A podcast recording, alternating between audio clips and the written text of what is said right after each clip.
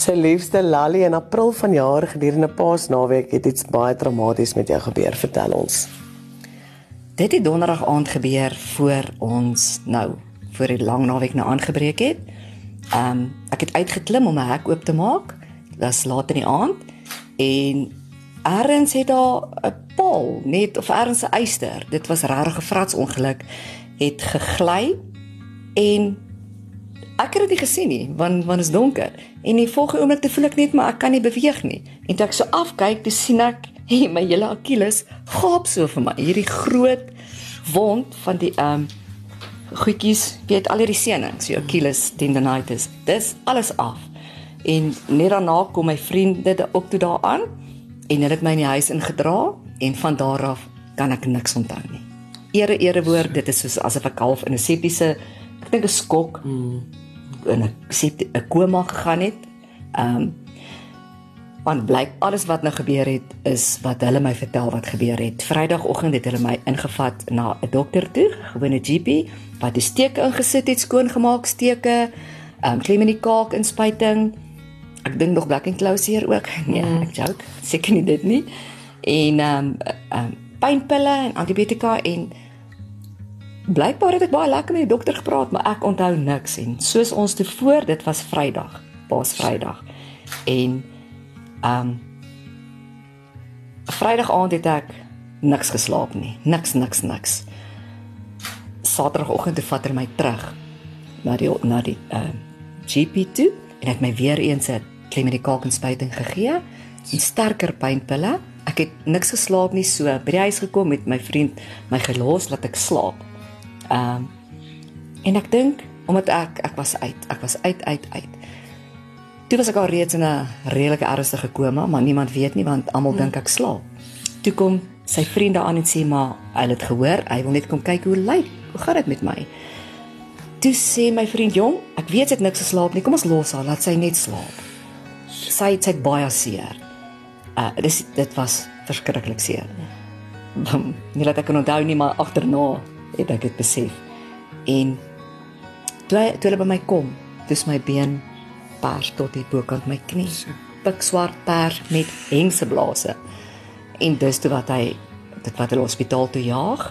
Um Eugene Maree was in die naaste hospitaal. Dis 'n klein koma toe my uittel toe hang die koppie en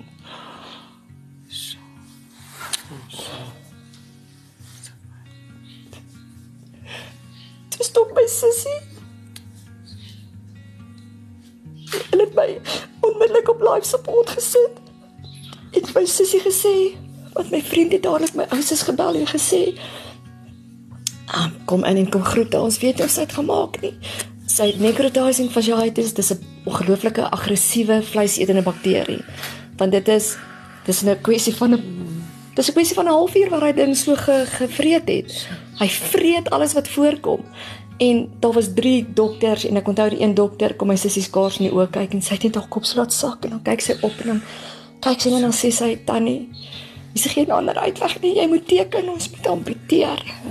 Of om om al lewe te red want as jy 2 minute later was, was dit verby.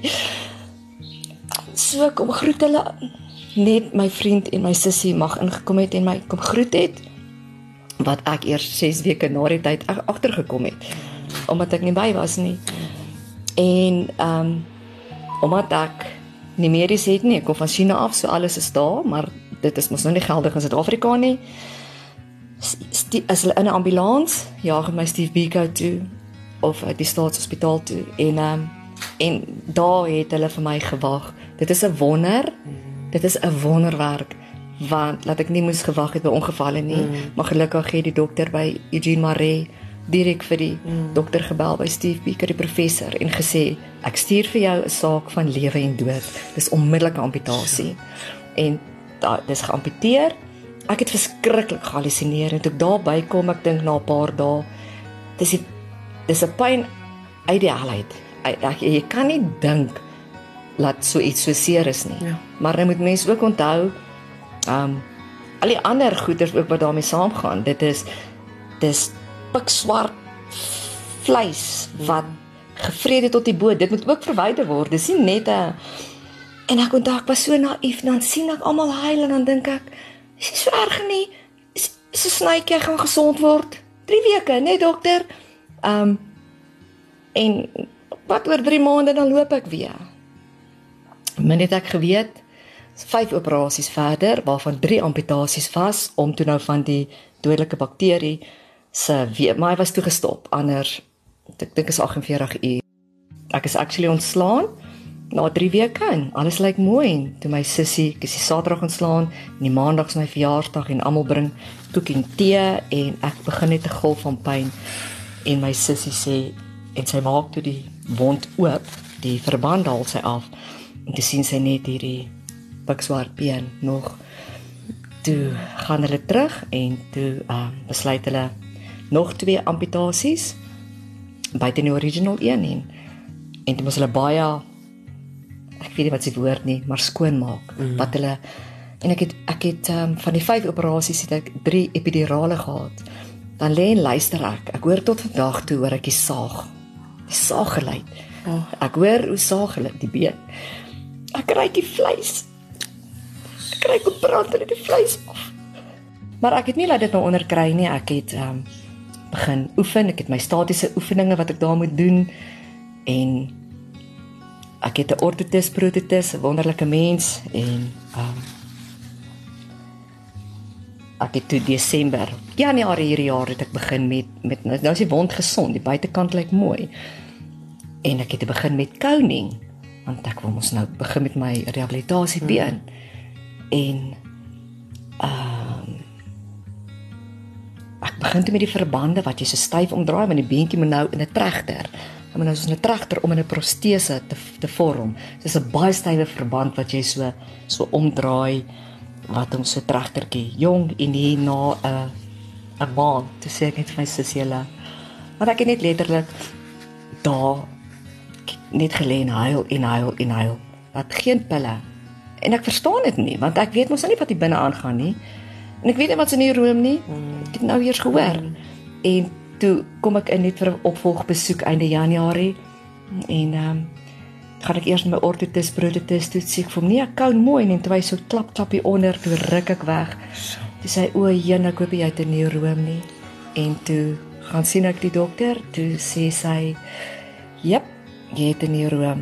Ek het naderhand ek het sonars geneem en ek het tot 'n ander staatshospitaal besoek en 'n 'n chirurg en 'n ortopeed gesien. Hulle sê net ja, jy het 'n neuroom, ons gaan nie opereer nie. Ehm, um, en ek is nie soos in hierdie pyn. Ek ek weet of ek daarmee kan leef nie. En toe kom ek finaal by die amazing dokter uit en hulle stuur my vir 'n scan en hulle sien ek het 6 neurome. Oh, goodness. Wat presies 2 in die binnebeen, 2 in die buitebeen, 2 onder. Wat net met 'n operasie verwyder kan word. Hmm. Ek het fibrose. Ek het 'n hematoom. Jy kan hom baie mooi sien hier op die punt. Dit is opgehoopte wondvog hmm, en ja. bloed waar daar lê. Ja, sies tog Lali en dit is nou daai ding van die beenamputasie het eintlik jou lewe gered, maar dit maak jou lewe nou aansienlik moeiliker ook met al hierdie dinge wat baie gekom het. Presies, presies. Amputasie. Ja, so. ja, mens dink amputasie klaar want soos die dokter sê, dit is ook 'n baie seldsame geval. So myne is nie 'n gewone amputasie. Ehm um, wat ek so gehoop het dit sou wees nie, maar weet jy wat ehm um, dit leer my geduld, dit leer my dit leer my my, my inner sterkte. Want almal sê vir my, "Hoe maak jy dit?" Ja. Want eintlik as almal my sien, kyk as ek in my rolstoel is dan daai is ek en my sussie in die gange ja. van die checkers en alles. Maar dis maar dis maar my dis my front. Dis humor is my mm. is my is my skans. Dis my coping ja, mechanism. Ja, ja. Want ek sê dit vat net soveel energie om op 'n hoopie te gaan sit en huil as om oh, positief te wees. Amen. En al op hierdie stadium is daar baie uitdagings, maar daar is ook vooruitsig en wat op hierdie stadium is jou grootste wens? My grootste wens. Ek vat letterlik dag vir dag. Niemand moet my vra wat jou 2 jaar plan of jou jaarplan of wat wil jy doen nie want in 'n oogwink vir ander mense mm, lewe. Mm. Jy weet ons beplan en ek was reg, ek was gepak om terug te gaan oor see. En ek het net gewag vir die groen lig en toe gebeur dit en ek my wat ek nou begeer is 'n operasie. Die ortopeed sê vir my Lala, sit ek vir jou so 10 van die beste bioniese bene hierso neer. As hierdie stompie nie reg is nie, sal die beste been nie vir jou werk nie. Maar as jou stompie reg is, kan 'n entry level been vir jou gaan jy kan loop baie lekker met 'n nice knie en 'n nice uh, uh enkeltjie natuurlik. Ja. Die totale koste is moeilik om te sê want dit is never ending and it's ever changing as ek dit so kan stel. Want omdat dit so 'n moeilike geval was uh en hulle stipuleer dit baie mooi daarso. As hulle oopmaak en hulle sien daar's meer goed wat gedoen moet word, dan is ek verantwoordelik. Ehm um, so dis kom ons kyk in die omgewing van hoe wil ek sê meer as 10000 maar beslis on, onder 110000 in my wildste droom het ek nooit gedink ek sal moet gaan vir 'n sesde operasie nie rarig 5 is genoeg maar ehm um, as dit is wat wat moet gebeur dan moet ek gebeur want mm. ek ek fantaseer en ek droom al die dag wat ek oh, pynvry gaan wees oh. wat ek nie 24/7 in hierdie wat dit voel elke dag of hierdie been in kolevuur gedruk word, oh, letterlik. Want jy kan nie 'n senuwees dood kry nie. Ek lê by mat en ek sit lekker musiek aan as ek die dag down is, lekker boere musiek en ek het my oefeninge en daar gaan stompie. Ek kan al ek kan al twee van my vriendinne kan beat ek nou met planking hoor. Want ek moet nou werk. Ek moet werk aan die remaining, aan die oorblywende. Ek werk aan die been wat gesonde been. So hulle sê moenie dit wat jy oorbly verwaarloos nie. Dis hoekom ek ek gaan nie 'n hoopie sit en en nie oefen nie. Ek ek lê en ek ja. oefen. Ek maak 2 liter waterbottels vol en ek ja. oefen wow. goeder so ek ek moet sterk wees ja. want ek weet laat 'n been is in die in die nabye toekoms, maar vereers is dit nou hierdie operasie. Dalie so ons weet en besef deur deur die afgelope jaar en dit waardeur jy is, het jou trauma baar ook aansienlik vergroot en verbreed en uh hoe het jou groter prentjie en jou persepsie oor die lewe verander? Moenie moet asseblief nie jou liggaam as vanselfsprekend aanvaar nie. Iemand het eendag vir my gesê, "How can you be so positive with only one leg?" En ek vra vir hom, "How can you be so negative with both?" As ons mol toe gaan, ek kyk vir mense met bene. Al wat ek deesdae sien is bene, dan wil ek net na hulle toe gaan en sê, "Weet jy wat het jy?" En elke oggend wat my wat my my stabiel sy nou hierbo, mm. is ek begin met 'n attitude of gratitude.